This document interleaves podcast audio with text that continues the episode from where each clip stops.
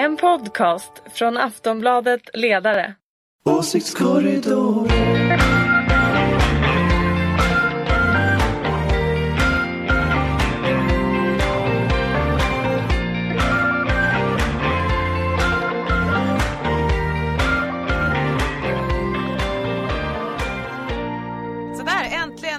Dags. Ledarredaktionens podd är ju här och vi är ett litet rum. Ni kan inte ens föreställa er hur litet det här rummet är. Men vilket fall som helst, här sitter en eh, panel som kan och vet och tycker till om det mesta. Vi har Tårtan Nilsson, Torbjörn i förnamn, alltså smartaste hjärnan på den där stolen. Eh, och po- politisk chefredaktör på tidningen Fokus. Och så har vi ju självfallet också Erika Schenström som är ju då den absolut smartaste personen på, den, den här, här stolen. stolen. Tidigare statssekreterare, numera kandidat till Stockholms kommunfullmäktige och också moderat. Och så Karin Pettersson, kvinnan med den eh, vassaste pennan. På den här stolen. På den, här, på den där stolen. Fruktad, respekterad och så också då politisk chefredaktör på Aftonbladet. Eh, Ja. Känner er välkomna in i detta lilla krypin, detta varma krypin. Tack. Eh, vi ska ju snacka lite, vi har två dagar kvar till det är dags för valdag. Det har hettat till en aning så vi nog alla kan känna igen.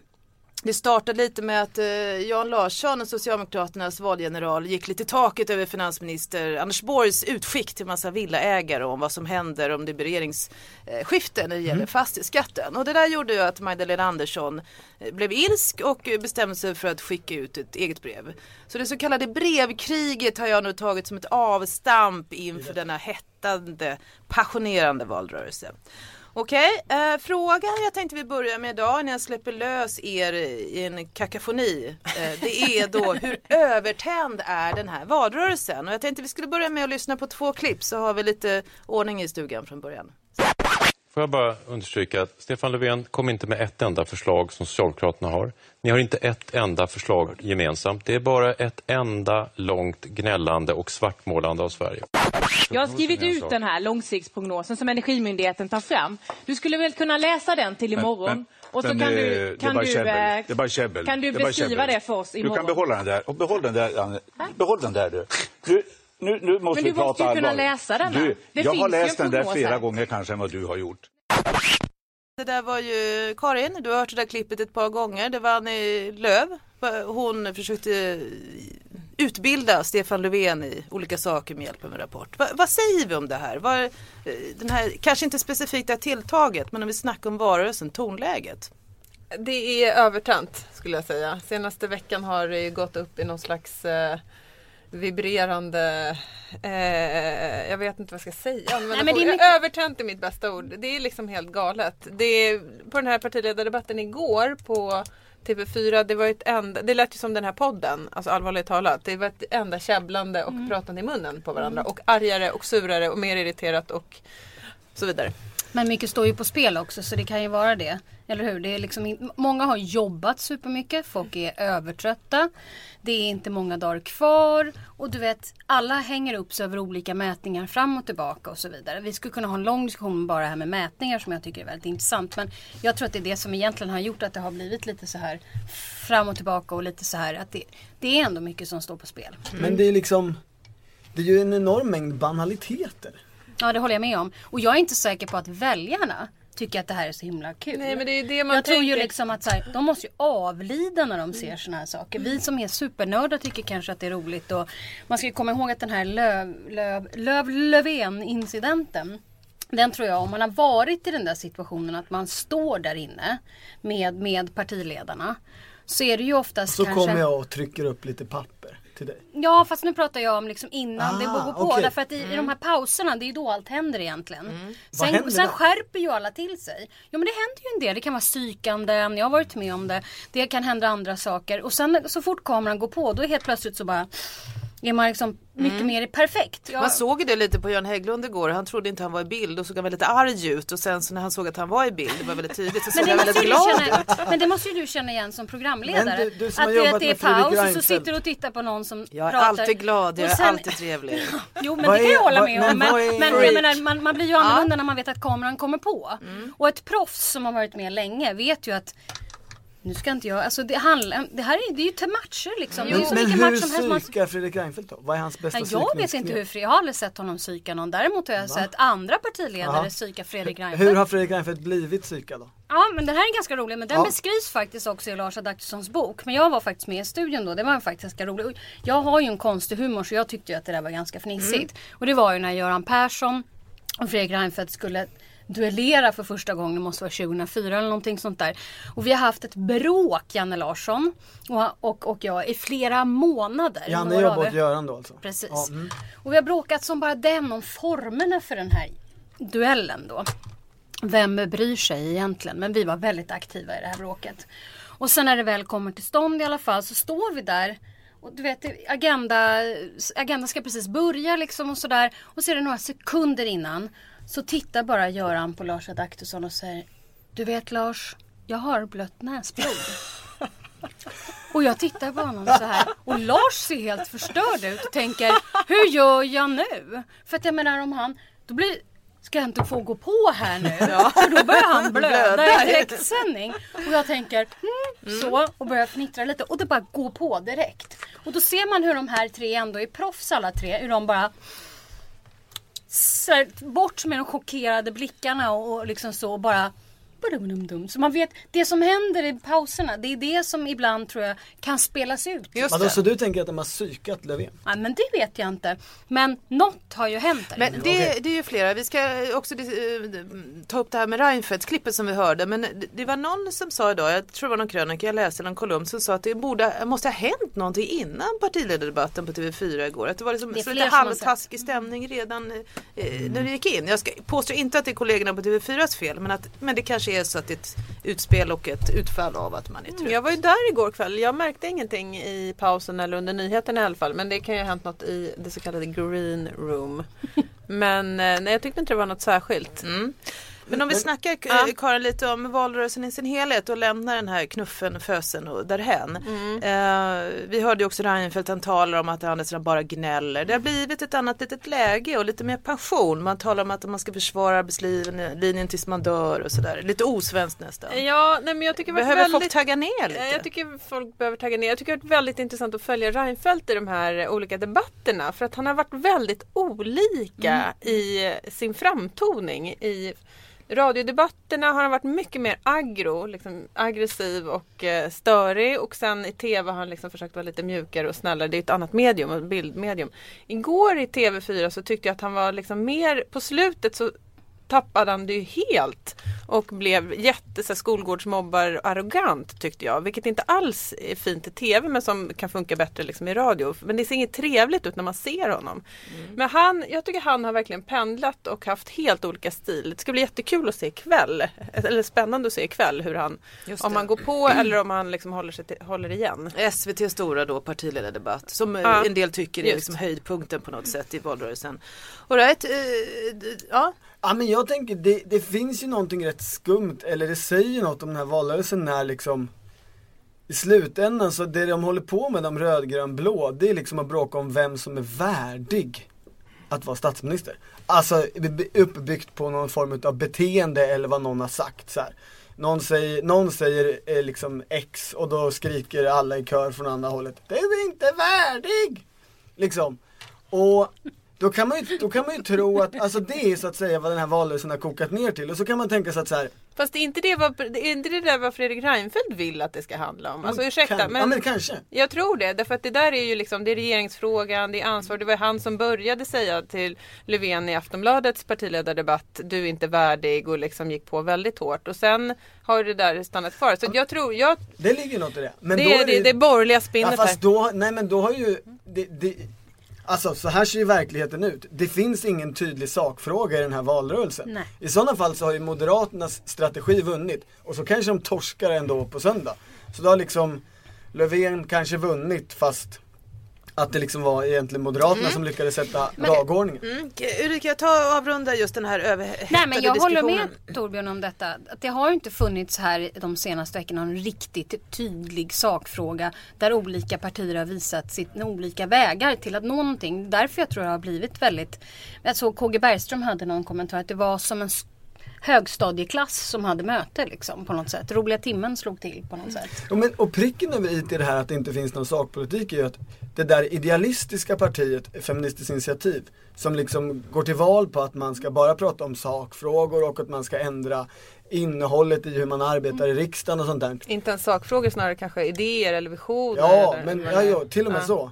Det enda de går till val på nu, sista tre veckorna, det är ju att bråka om vilken opinionsmätning som är rätt. Och liksom strategi, taktik, röstning. Ja, sin egen version av taktik. Ja, ja, precis. Och det är ju, det är ju liksom det är ju det, så att säga, det som, det som från början var det mest idealistiska eh, partiet enligt sig själva har en valrörelse som är enkom spel. liksom. Men får jag bara säga en sak till. Jag, tror, ju- jag håller verkligen med om det. Jag tycker Alliansen har gjort en mycket bättre, eller de har på något sätt lyckats definiera eller sätta da- dagordning de här senaste veckorna. Men det som blir intressant imorgon, eller jag menar på söndag, det blir ju ändå, vi vet ju vilka frågor som väljarna tycker är viktigast. Absolut. Frågan är så att säga om eh, innehåll slår strategi eller om strategi... Slutligen på söndag. Ja, Mm. slutligen på söndag. Jag skulle ju tro att eh, Vi ska liksom gå vidare. Vi, sakfrågorna vi har, en, eh, vi har en, mer på agenda. Men däremot vill jag avrunda detta och ställa frågan eh, eh, vad går partiledarna i sängs med? Förlåt? I, I meningen, hur taggar de ner? Hur kommer de till ro och Alltså, somnar på kvällen? så. Du vet som Torbjörn går och lägger sig med Hercule Poirot har jag hört. Ja, det, det, det viskade Ska vi ta upp det här från försnacket alltså? Ja, ja, Du vet det är det som leder till vad så- vi pratar om i den här lyssnarna så kan, podden. vi, så kan vi avslöja att vi i försnacket diskuterade hur man efter de här långa arbetsdagarna kan liksom komma till ro och det var då jag sa, titta på Hercule Poirot. Ja. Det, Och det var- det är en och- riktig liksom, eh, sömnpiller. Ja, och det var då jag sa, hur, vad går partiledarna i sängs med? Jag tycker det var en fullständigt logisk följdfråga. ja, men, Karin. jag förstår. men alla här Ja. inne tänkte, ska vi avslöja hur deras rela- privata relationer Ja, egentligen är? nej, alltså, Jag skulle, tro, jag skulle tro att alla gör en sak. En sak de inte gör, det är jag ganska säker på. Eller det kanske de gör i hemlighet och det är att kolla på Hercule Poirot. Men det jag tror att de gör och som man själv gör nej, förutom att kolla uppenbarligen någon här på. Gud, berätta nu. det är debriefa. Man ringer några av sina kompisar. Några? Ett på natten? Ja, Ja. de är ju också uppe då. Alla är ju uppe då.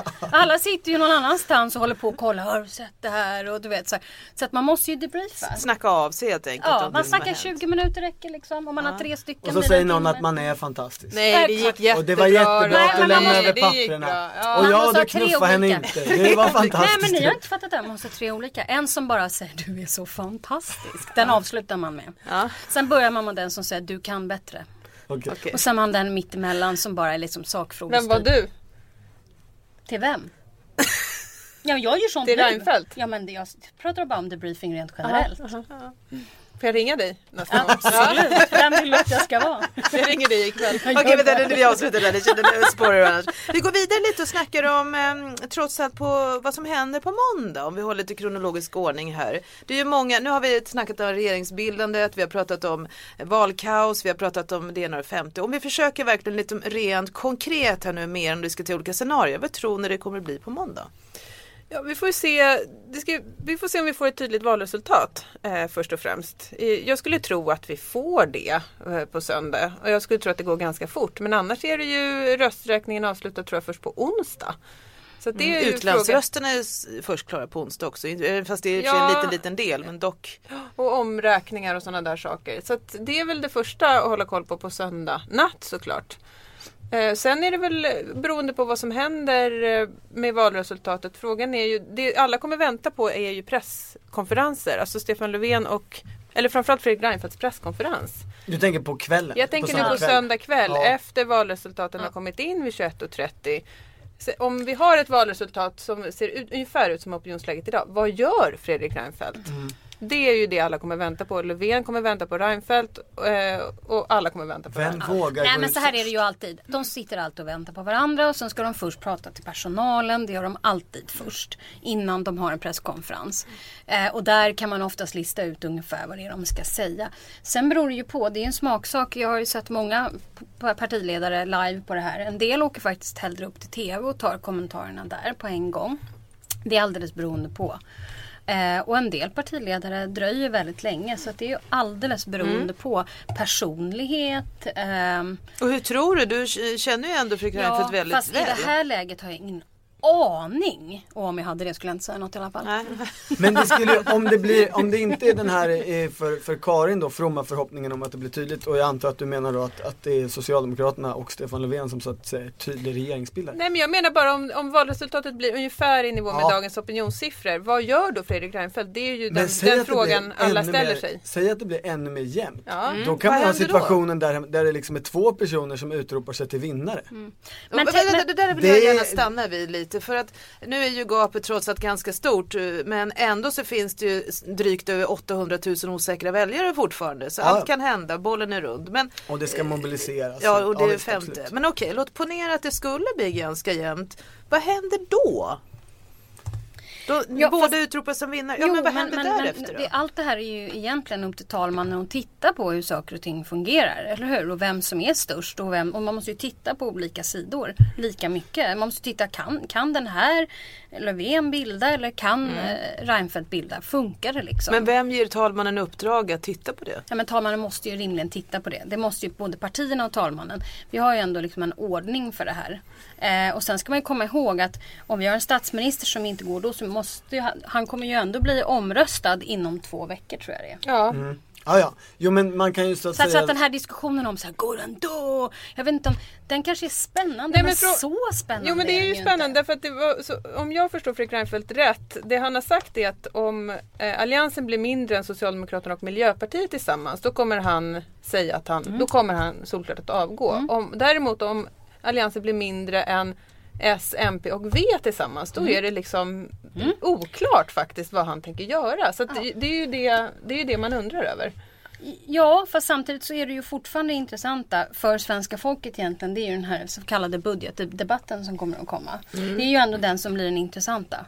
Fast jag tror inte att det kommer vara så utan det handlar ju om förtroendeomröstningen. Vad säger Reinfeldt? Hur tolkas det han säger? Hur tolkas det Löfven säger? Vad, ehm, vad händer under, i den här förtroendeomröstningen? Det är liksom inte en väntan på eh, någonting som händer långt fram utan det här är ju en, en Men- process. Men då måste man ju, för att kunna diskutera det så måste man ju välja en, en mätning att titta på eftersom alla mätningar ser väldigt olika ut. Det går ju inte att, och jag menar, har han sagt det så har han ju sagt det. Då sitter han väl kvar för de flesta mätningar just Jo, men- nu. jo, men och så då- är ju alliansen större än M- S och MP tillsammans. Då är det ju liksom inget Jo att men och då diskutera. kan ju, då kan ju den, den eh, fascinerande situationen uppstå att på söndagskvällen så säger, hävdar båda de här två herrarna att det är de som är vinnare. Och då går ju oavsett, men då är det liksom ett, ett annat läge för talmannen Exakt. än om en av dem säger vi har förlorat. Eh, Mm. eh, eh, de, Vi- vi de ska inte- andra får hålla på. Vi ska inte liksom. nörda ner oss för mycket men om det blir så då gör talmannen så att säga en bedömning av eh, hur potentiella regeringsbildandet kan se ut på de olika lägena och sen därefter ger någon uppdrag att eh, så att säga bilda regeringen. Hur går det till? Det där är en fråga som jag stött på i flera sammanhang. Jag vet faktiskt inte men jag antar, eh, det måste ju utgå från den här förtroendeomröstningen. Jo, om, i- men om alltså så ingen här- avgår så, får, så sitter väl Reinfeldt kvar till Exakt förtroendeomröstningen så. och så Exakt ser man vad så. som och sen händer. sonderar Och sen- den sittande Ja. talmannen ända fram till den 29 september, vilket är den första dagen som re- riksdagen sammanträder. Sen bordläggs frågan. Sen den 30 september, Mm. då samlas alla riksdagens ledamöter och det pampiga eh, liksom riksdagens eh, Högtidliga högtidliga öppnande. öppnande är. Och sen inom loppet av de dagarna som kommer efter den tredje, fre, fredagen den 3 oktober ska regeringen tillsättas. Om man har fått en statsminister. Mm. För han ska komma där på tisdagen. Okej, känner vi att vi kan lämna den lite Och den därhän? 29 ska det komma en ny talman. Som då ska tillsättas. Och sen börjar det nya arbetet för att få till stånd regeringsförklaring och en ny regering. kommer finnas mycket att snacka om på måndag och Mm. diverse både formalia och konstitutionellt och eh, andra saker. Men ja, ja eller nej fråga. Sitter Reinfeldt kvar som partiordförande om man får 22 procent? Ja eller nej? Ja, Ja det tror jag. Ja. Absolut. Unisont här. Han sitter kvar. åtminstone ett år. Men alltså, Ja, allting för att ha- allt, lämna över lugn och ro till nästa eller sitter han kvar en hel mandatperiod? Men jag tror att det här handlar om förväntningar. Det är ingen som förväntar sig idag att Moderaterna ska få speciellt mycket mer eller mindre än 22 procent. Så att, att om de idag, även om det är ett enormt misslyckande om man jämför med valresultatet i förra valet eh, och en kollaps på många sätt för Moderaterna så är det idag ingen som förväntar sig något annat resultat. Och därför kommer det inte vara något stort tryck på Reinfeldt att avgå internt. Eh, nu får Ulrika kommentera. nej, nej. Och i så fall skulle det ha märkts vet redan nu. Mm, Okej, Nu, jag har fått lite frågor här som jag ska ta upp till panelen. Så nota bene, detta är inte jag som har formulerat svenska men den lyder så här. Hur i hela helvete ska Löfven få ihop en regering? Vi håller oss lite kort på den punkten. På en punkt. Jo men alltså allt det här handlar ju om mandatfördelning. Eh, och som sagt, är S och MP större än Alliansen så är ju inte detta något problem Nej, överhuvudtaget. men det är väl om de Så inte är det, så att ja, säga. nej, Det då blir det det ju ett blir. problem och då måste han ju börja flirta med något annat parti när det väl kommer till budgeten. För Blir att det som det V ser ut i vissa Nej, mandatfördelningsuträkningar då blir det just V. nu. Torbjörn, är det ju BDV? ungefär- Ja. Ja men V måste han ju göra upp men det är självklart. Men Och om det S, V, ordnar sig MP säkert inte får... sätt. Men Maria, om S, V, MP inte får 175 utan kanske bara 172. Då måste de Då ju börja leta någon annanstans. Och vem, det är ju vilka då, blir det då Karin? Och det är då det intressanta börjar. Är det Folkpartiet som de ändå har bjudit ut en eh, hand till? Mm, jag tycker också att det är intressant vad som händer då i relationen mellan Alliansen och Sverigedemokraterna. Det är ju en annan fråga där. Om det blir någon typ av, liksom hur Sverigedemokraterna agerar, hur de säger, hur de ska göra med sin egen budget, om de kan tänka sig att rösta med den ena eller den andra och hur liksom svarsreaktionerna blir till exempel från Alliansen då. Så det är liksom flera variabler här som man måste hålla ögonen på. Men Löfven har varit väldigt tydlig med att det han vill är att eh, få till sån någon typ av samarbete med Folkpartiet. Det är ju, det är ju ingen hemlighet. Mm. Okej. Nu vart det så vansinnigt allvarligt Ja, men här. det- Men det här är det är, ja, det är allvarligt. Det här är allvarligt. Den här Det är ju TV4-debatten, det är inte så allvarligt. Nej, men om vi tänker oss vidare på det stråket då. Hur, hur blir då den här politiska hösten 2014? Ni vet ju när man har grälat med någon eller varit osämja på hemmaplan eller på jobbet. Det tar ju lite tid kanske innan man kan slicka såren, hämta sig och kunna bete sig belevrat igen. Eh, vad, hur, hur kommer vi att ha det? Nej men rätt mycket handlar väl om liksom under hur lång tid existerar alliansen så som vi känner alliansen idag. Eh, och det gör den ju säkerligen över den här budgetprocessen, den liksom första i höst. Eh, och sen är det nog mycket mer oklart. Och det hänger ju i sin tur kanske ihop rätt mycket med liksom Kommer det något tryck i Moderaterna på någon typ av förändring som inte behöver innebära en liksom, eh, personförändring? Eh, och vad är den förändringen? Eh, för, för Moderaterna har ju fortfarande liksom det är ju det paradoxala. Moderaterna är de som går enormt dåligt i den borgerliga alliansen men de har ju fortfarande ledartröjan. Och så att säga eh, det, det är utav de mindre partierna som, som eventuellt vill göra sig fria. Inte av skälet att man vill samarbeta med Löfven kanske utav andra skäl också. Eh, det får ju liksom Svarte Petter. Eh, om, om liksom Fredrik Reinfeldt och Moderaterna inte har börjat liksom tänka på sig själva dem. Mm. Så det där är en ganska spännande och svår logik där, där alla tre par, småpartier tror jag i ett läge av opposition egentligen vill vara superfria. Mm. Eh, och lägga ner hela jävla den där alliansen. För den, den är bara till problem i opposition liksom. Eh, under, under längre delen, större delen av mandatperioden. Men man vill heller inte vara den som är först ut. Jag tycker det som ska bli mest spännande nästan nu är ju de här interna eftervalsdebatterna också. Framförallt i de partier som det har gått mindre bra för. Relativt liksom förväntningar. Och kanske Moderaterna, Socialdemokraterna och något parti till. Vad händer liksom internt? I en valrörelse så är det ju liksom locket på, nu kör vi, nu ska vi försöka vinna. Eh, Men efter ett val så kommer ju diskussionen upp. Gjorde vi fel? Gjorde vi rätt? Vad borde vi gjort annorlunda? Hur gick det här till egentligen? Behöver vi ändra oss? Självrannsakan processen. Och det blir ju väldigt spännande i båda de här två stora partierna tycker jag. Och, och processerna i en sån. Jag har ju eh, varit med om både när det har gått väldigt, väldigt, väldigt dåligt och när det har gått väldigt, väldigt, väldigt bra.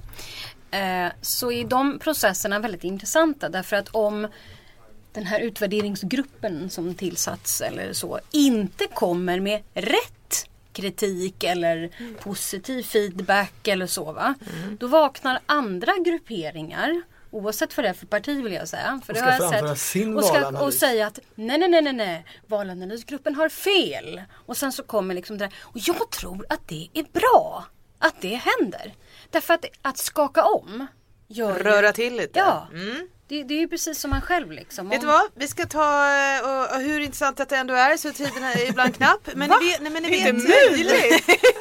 Vi har knappt börjat. Ja, ni vet hur det är när man också har använt lite hårda ord mot, varandra. Säger ju ett förlåt, det är ju alltid väldigt, väldigt viktigt för att kunna gå vidare. Så nu får ni säga vem, oavsett partitillhörighet, borde säga förlåt till vem?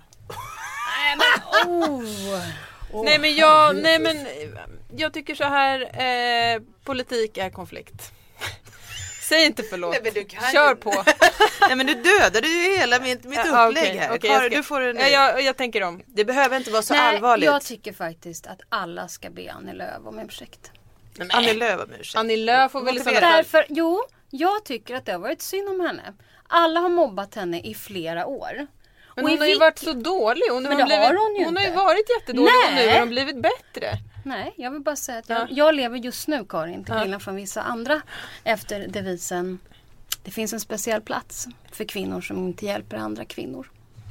Ja! Kom igen, give me a break. Nej men allvarligt talat, lyssna nu. Det är faktiskt ganska intressant. Hon har ju tagit sig dit. Då kan man ju inte sitta och liksom peka finger mot henne hur mycket som Men jag har helst. plussat henne hur mycket Ja som du helst. ja, jag med. Men det Ja. finns väldigt... Nu, nu pratar jag inte om dig. Men Karin tog åt sig. Okej. Ja, direkt. All right, Okej, du får, du får säga förlåt till Karin. Jag skulle säga så här. Förlåt Karin. Okej, jag säger förlåt till dig Ulrika. Ska vi säga så? Sjukt bra. Jag, jag skulle säga att först tycker jag att, att alla politiker skulle säga förlåt till typ väljarna för att, för att man har låtit den här valrörelsen Åh, du är så del fin. Nej men till stor del handlar liksom om, om vad som är fel med motståndaren snarare än vad man själv vill. Men sen kom jag på att egentligen så borde nog alla partiledarna säga förlåt till sig själva. För jag tror att de allra flesta har liksom missgynnats av det där upplägget. Så att det var en ganska kass idé. du är så fin idag. All right, ja, det får bli om inte på? Karin vill eh, tillägga någonting i det här så tar vi och rundar Nej, av den här lilla övningen och sen så ser vi med tillförsikt mot dagens eh, partiledardebatt i SVT. Tack och hej svejs. Tack. Tack tack. Tack tack. Åsiktskorridoren